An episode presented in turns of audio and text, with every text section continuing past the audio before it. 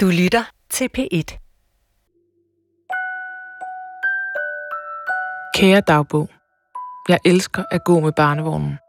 Foran mig ligger verdens smukkeste skabninger sover. Når folk går forbi mig, smiler de, og jeg føler, at de deler min glæde og lykke. De ved ikke, hvad jeg har gået igennem for at komme hertil.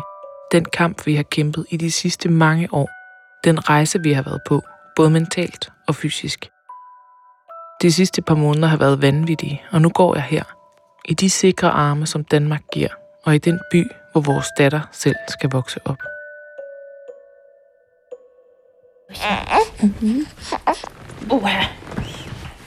Ja, det får dig vågne op. Det er nu et par måneder siden, Louise og Christian fik deres datter i armene på hotelværelset i Kiev, og jeg har ikke set dem siden jeg få dage senere tog afsked med dem. Mm, skal jeg lave dig noget mad? Nu er de endelig kommet hjem til Danmark. Hjem til den næste store kamp. Kampen for, at Louise officielt kan kalde sig mor til den lille datter, hun dagligt triller rundt med i barnevognen. Og de har en plan. En plan, de har haft lige siden de begyndte at tale med andre par i de hemmelige Facebook-grupper. De vil forsøge at snyde systemet, eller i hvert fald undlade at give ret mange detaljer. Planen er at få registreret, at det var Louise, der på naturlig vis fødte deres datter, mens de var på en rejse i udlandet. Ja, det er ting, vi skal bruge? Derfor gør Christian sig klar til at tage hen på kommunen med deres lille nye datter i armene. Det er statsborgerbeviset og øh, fødselsattesten. Hvis det lykkes, ja, så er Louise juridisk set barnets mor, Så er passet. Jeg ved ikke, om jeg skal bruge det. men kun hvis kommunen rent faktisk tror på Christian. Indtil det tidspunkt, hvor jeg forlader far, mor og baby i Kiev, er tingene gået nogenlunde efter planen. Faktisk har de fået deres datter et par dage før, de havde regnet med. Alting gik jo som det skulle, indtil at hun kom. Men efter jeg har sagt farvel, opstår der problemer. Der var mange ting, hvor jeg faktisk ikke synes, de handlede helt rigtigt. Planen var, at Biotex kom hurtigt skulle ordne datterens papirer, så de kunne tage på den danske ambassade og få hende skrevet ind i Christians pas, for så at køre hjem til Danmark igen, som den lille nye familie, de er blevet. Men pludselig oplever de, at klinikken går fra at være service-minded og omsorgsfulde, til pludselig at blive usamarbejdsvillige. Ud af det blå kræver klinikken, at den sidste rate af betalingen skal være kontant. En rate på næsten 100.000 danske kroner. Vi ville jo gerne betale, men vi havde jo ikke lige muligheden for at hæve så mange penge i udlandet. Og vi havde heller ikke fået at vide noget om, at vi skulle have dem med. Hvis de ikke betaler, vil klinikken ikke udlevere datterens fødselsattest, som Louise og Christian skal bruge for at få deres barn med hjem til Danmark. Jeg var bange for, at vi stak af på regningen, men det var jo dem, der ikke ville give os en, en måde at betale på. Som de fleste andre har Louise og Christian ingen mulighed for at skaffe 100.000 kroner i kontanter så hurtigt, og de er ikke de eneste, der pludselig står i den situation. De fortæller, at de møder andre par, der også har problemer med at få de nødvendige papirer udleveret.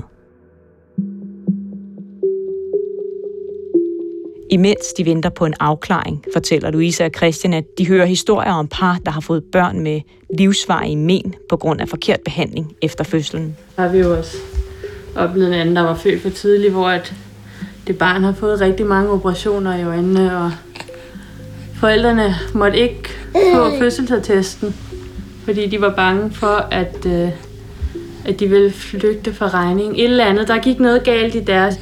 I hvert fald kommet hjem og fået et barn, der er blindt. Og Biotex.com har tidligere fået ret voldsom kritik. Så er det igen tid til Horisont Live og til at sætte lys på helt særlige skæbner rundt om på kloden. I tv-programmet Horisont på DR1 fortalte vi om en australsk dokumentar fra 2019 Biotex is an agency that I would not have used in a million years. om forældre, der frarådet at bruge firmaet. They have a very bad reputation in Ukraine. There is plenty of advice out there on parent forums parents who've had bad bad experiences using them. Og til og med historier om babyer, der aldrig blev hentet af de forældre, der havde bestilt dem. Bridget her kom til verden via deres klinik i 2013. Hun er født med hjerneskade og svævede mellem liv og død. Selvom hun klarede den, hentede de amerikanske forældre hende aldrig.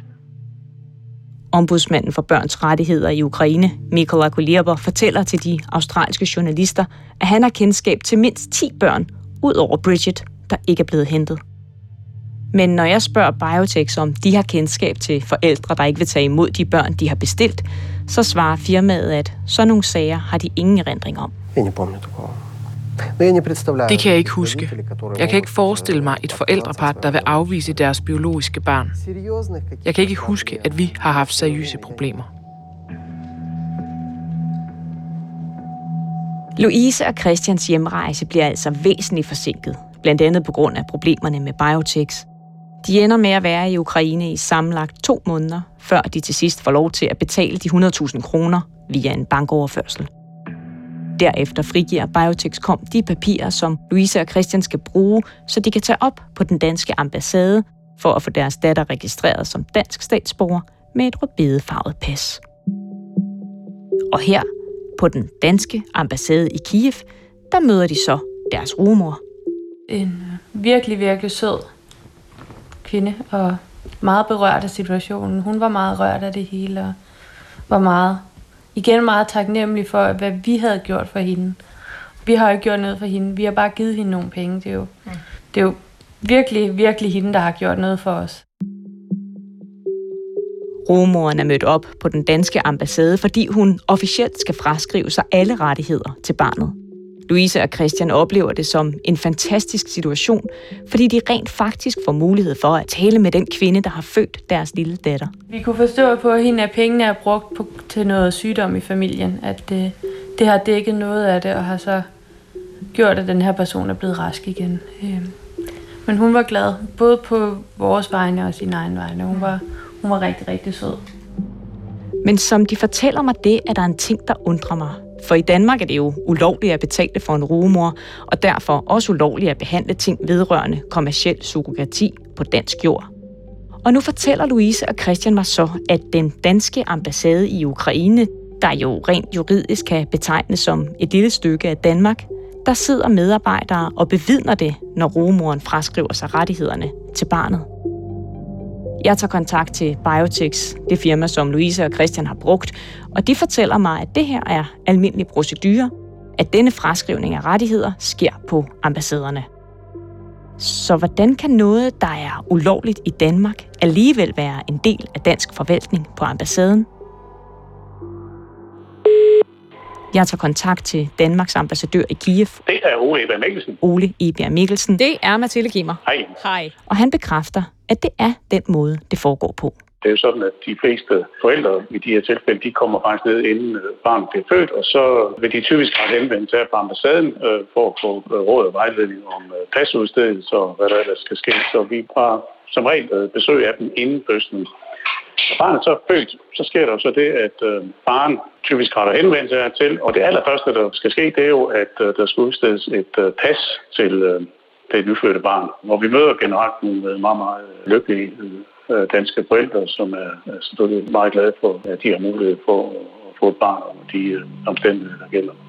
Juridisk skal rugemor afgive sin, øh, sin, øh, sin krav, sin, sin pligt over for barnet, og det foregår også hos jer, kan jeg forstå. Det er sådan set øh, det, der kræves for, at vi kan foretage en øh, pasudstedelse der er vi øh, selvfølgelig nødt til at vide, at den biologiske mor, rumoren, er indforstået med det. Så ved det trin i processen, der øh, møder rumoren også op og giver sit tilsavn om, at der kan udstedes øh, et øh, dansk pas til det pågældende spædbarn, og det er forudsætningen for, at vi kan øh, foretage den pasudstedelse. Spørger I ind til noget forløb her, eller er det bare jer uvedkommende? Eksempelvis betaling? Nej, det er ikke vores opgave. Vores opgave er alene at påse de krav, der gælder øh, for så vidt angår pasudstedelsen. Men orienterer I dem også om, at det jo er ulovligt? Vi orienterer alene om den del af processen, som vi har med at gøre øh, pasudstedelsen, og vi har heller ikke noget med de danske møder at gøre. Det er som sagt faren alene, som øh, kommer her, og det er med henblik på pasningstiden. Og den del af processen, den vejleder vi ikke om. Øh, vi er ikke øh, eksperter på familieret i Danmark. Det er der andre myndigheder, der er.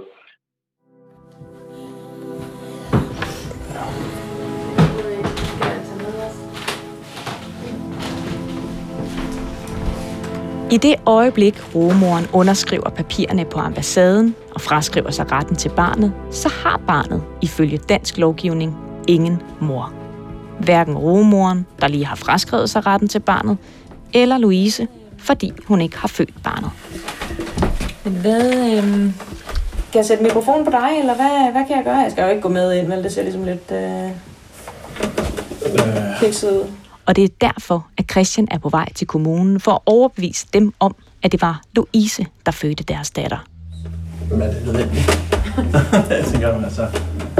Altså det, det som jeg gerne vil, altså det som jeg gerne vil vise, det her, det kan man sige, det har vi snakket om lige siden øh, vi, øh, vi startede med at køre derud af, ikke? At det er jo det her, der er slutmålet, det er, at I begge to ligesom er, er anerkendt som, øh, som hendes forældre, ikke også?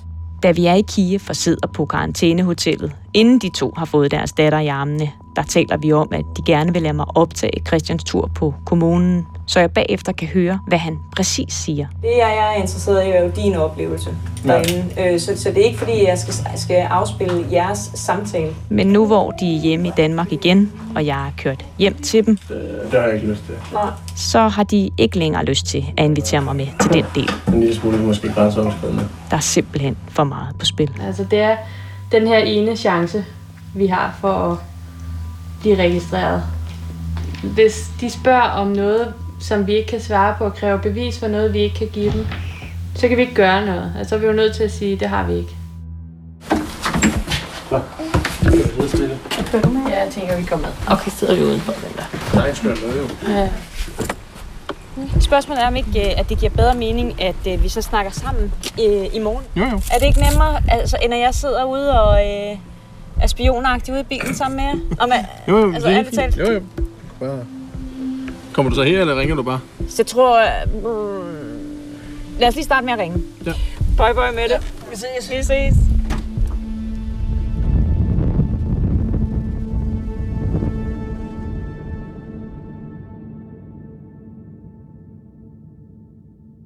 Vi gik begge to ind, men det var ham, der tog sig af hele registreringsdelen. Skrev under på de ting, han skal skrive under på, og, ja, og, og fik fortalt, hvad han skulle sådan fortælle om det, at øh, vi havde fået barn i udlandet og alt det her. Og det gik egentlig fint nok. Der var ikke de store problemer. Før de ringede dagen efter jo og sagde, at de, ville, de havde lige nogle få spørgsmål angående den her registrering.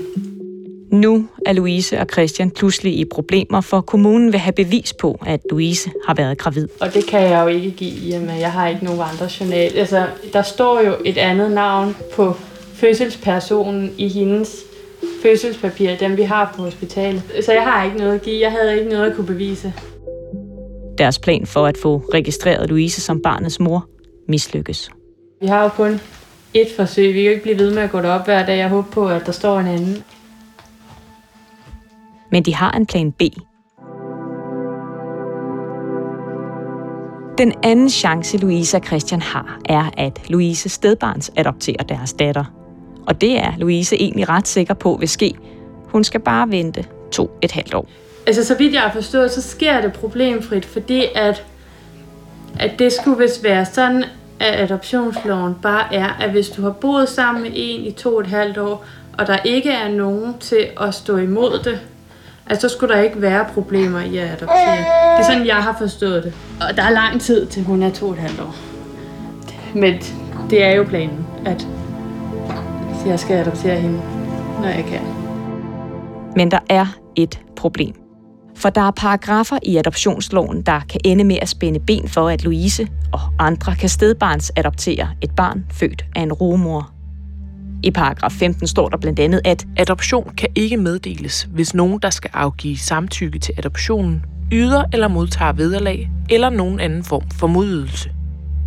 kort sagt, så kan man ikke adoptere, hvis man har betalt for, at en anden bærer barnet.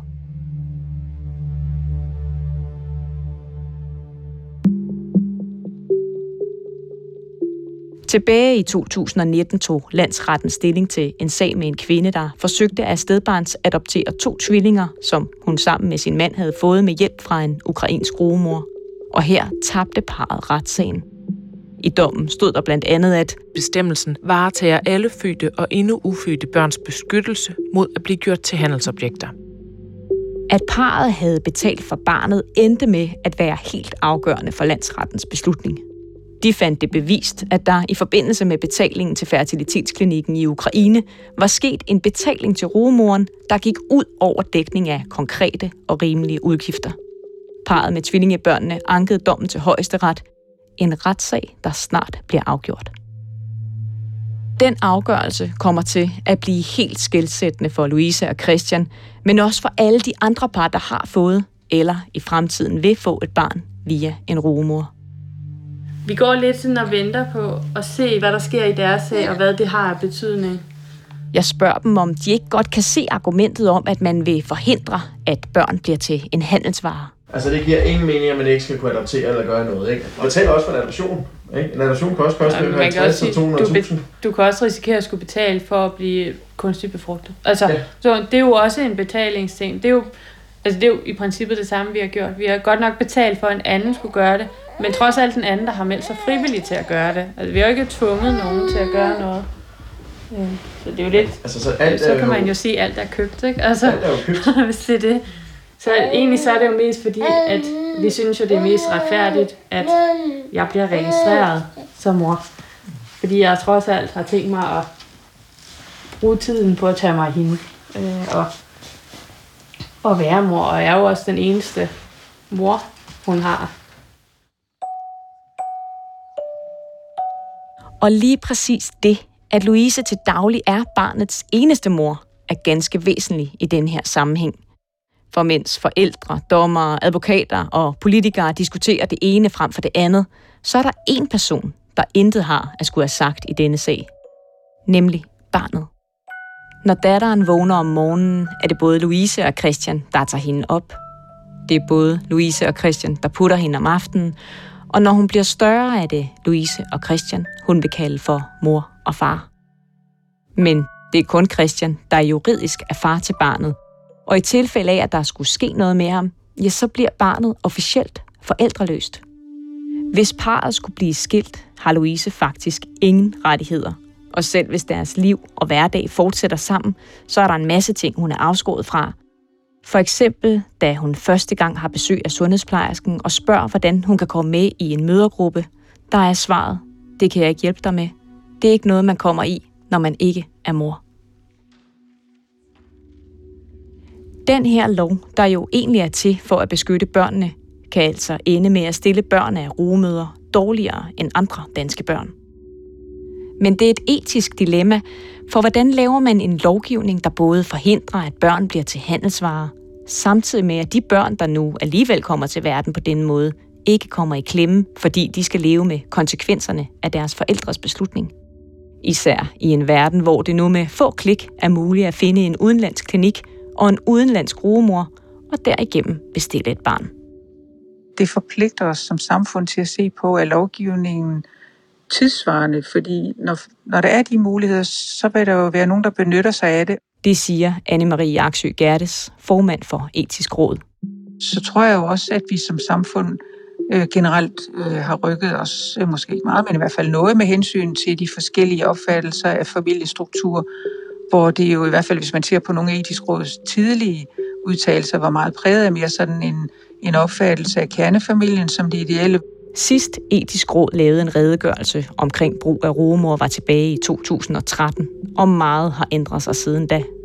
Både inden for, hvad der rent videnskabeligt er muligt, men også i forhold til, hvordan vi danner familie. Hvor man jo i dag har et mere flydende øh, forhold til, hvad familiestrukturen ligesom omfatter. Så jeg tror da, på den måde kunne jeg godt forestille mig, at, øh, at rådets medlemmer havde nogle andre holdninger, end det man havde der tilbage i 2013. Så der er ting, der i hvert fald taler hen imod, at øh, det er måske betimeligt at kigge på, på den aktuelle ordning, om den tilgodeser de behov, der er. Typisk så er det jo sådan, at vi øh, tager emnerne op, hvis der kommer en forspørgsel fra for eksempel sundhedsministeren. Ifølge Anne-Marie Gerdes vil det altså give mening at opdatere rådets behandling af emnet. Og når man spørger de forskellige socialordfører på Christiansborg, er der også bred enighed om, at der skal gøres noget ved det. For eksempel Dansk Folkeparti. Det vigtigste er jo i hvert fald, at barn ikke skal stå uden forældre, hvis den ene part dør. Enhedslisten. Skal det barn så ikke også juridisk have ret til den mor? Jo, det, det skal de jo. Konservativ. Hvordan kan vi være med til ligesom at sikre barnets tag? Og Socialdemokratiet. Selvfølgelig skal vi stå på børnenes side. Men det her, det kan være en glidebane, og det ønsker vi ikke at bidrage til. Samtidig så siger alle de her ordførere, at lovgivningen stadig ikke må åbne for brug af kommersiel surrogati i Danmark. Snakken om at forbedre barnets tag er noget, der længe har været på tapetet inde på Christiansborg. Allerede i slutningen af 2019 lovede sundhedsminister Astrid Krav i et svar til Folketinget at se på området. Jeg er enig i, at der er behov for at gennemgå området, og jeg vil derfor undersøge, om det er muligt at finde løsninger, der sikrer barnets bedste. Men siden da er der ikke sket noget som helst. Og da vi i første omgang spørger Socialministeriet, om man rent faktisk vil gennemgå området for at sikre barnets bedste, som Astrid Krav svarede Folketinget, ja, så er svaret nu, at hun vil afvente dommen i højesteret.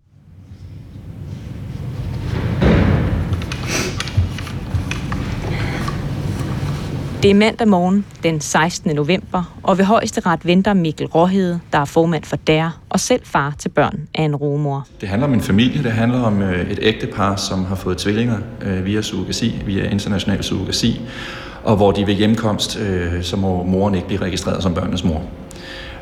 Og det har de jo selvfølgelig anket, og det er så kørt hele vejen herop til. Så det er det, vi venter på udfaldet af i dag, om børnenes mor kan blive registreret som børnenes mor.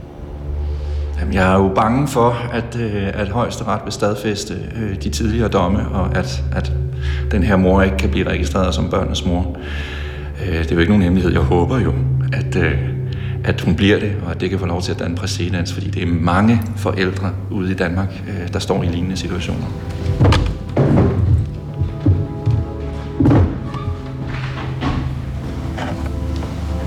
Ja, så afsiges dom i højesteretsag BS 47 1957 i 2019, og jeg læser dommens konklusion op, og den er sålydende til kendelse for ret.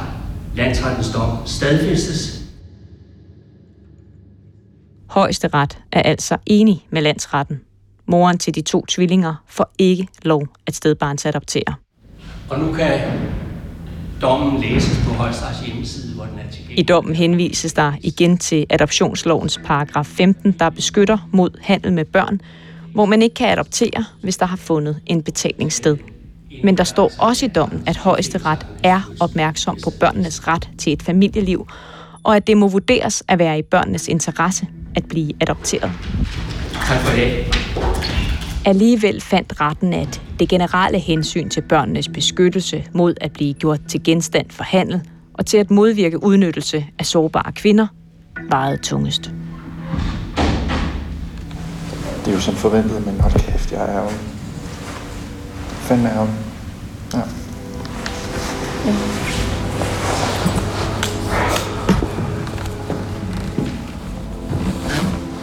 Jeg er ked af det, og jeg skal have kontakt lige nu i det hele taget med baglandet.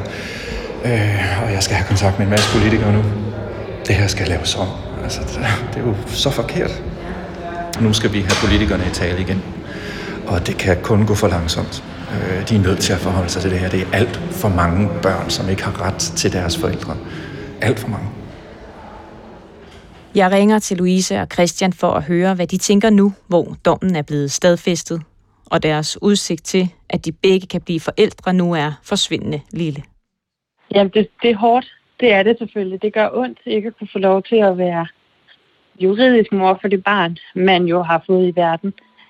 Øhm, men samtidig så har jeg også den her lille med, at jeg er jo hendes mor. Det er mig, der passer hende og tager mig af hende og, og vil gøre alting for hende. Og, og så er det noget andet at stå med hende og tænke, jamen, i det mindste så er jeg, hun har. Det var altså ikke en selvfølge for mit vedkommende. Ja, det er jo ikke, fordi det er den her usikre verden, vi har bevæget os ind i, så er det jo en risiko, vi er nødt til at løbe. Alternativet er jo, at vi ikke får nogen børn. Og den situation synes jeg næsten er værre, egentlig. Vi er nødt til at håbe på, at alting går godt. Det er lidt det eneste, vi kan gøre.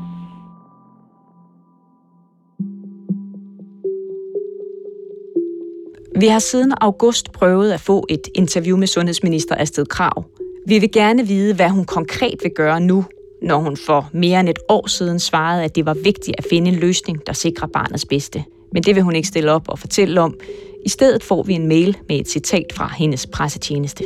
Højesteret har opfordret os til at se på forbuddet mod adoption, når en rumor har fået betaling.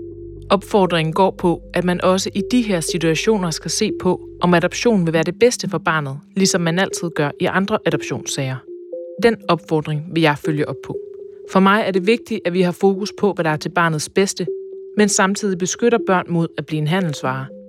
Vi skal undgå at ende i en situation, hvor vi reelt anerkender aftaler om rumoderskab med penge involveret. Ministeren vil følge opfordringen til at se på, om adoption vil være det bedste for barnet. Nogenlunde det samme, som hun svarede i 2019. Så vi spørger igen, hvornår ministeren rent faktisk forventer at se på det. Her er svaret, at det ikke bliver inden udgangen af 2020, at der bliver kigget på lovgivningen, og ministeren ved ikke engang, om det bliver i 2021.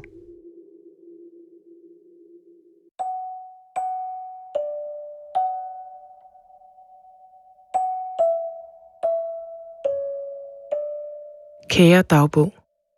Pludselig vågner min datter og trækker mig ud af mit tankemøller. Hun smiler til mig, da vi får øjenkontakt. Hun lukker øjnene igen og sover videre til den blide vuggen barnevognen giver hende, og som næsten gør det umuligt at holde sig vågen.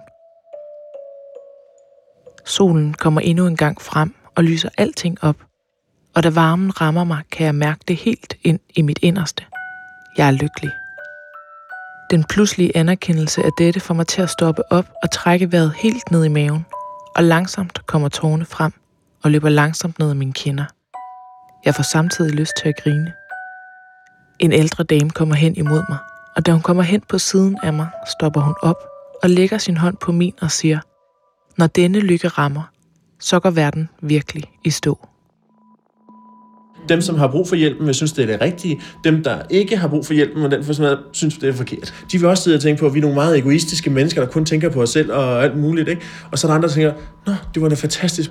Alle dem, der har haft problemer med at få børn, eller været inde i miljøet, eller kender til, hvad hedder det, nogen, der har svært ved det, de vil måske have en forståelse for os, og alle dem, som der bare lever det perfekte liv, eller hvad man skal sige, øh, de vil have os. Mm. Ikke? Fordi at de vil have noget, vi synes, at vi misbruger kvinder, børnehandel, whatever der kan være, og ting og sager. Jeg tror, det er helt klart, hvorhen mm. du står henne. Det er jo rigtigt nok, det er det egoistiske valg, fordi vi kunne også bare have lavet være. Vi synes bare ikke, det var en mulighed for os at lade være. Jeg siger ikke, at det her det skal betyde, at alle har krav på at få en rumor. Men jeg synes, der skal være et eller andet idé om, hvad gør man, når folk står i den her situation og ikke kan få børn?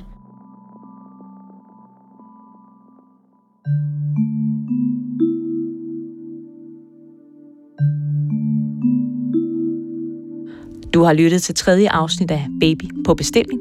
Serien er tilrettelagt af mig, Mathilde Kimer, af Cecilie Frederiksen og af sine Mandsdotter, der også har klippet og monteret. Jens Wittner er redaktør.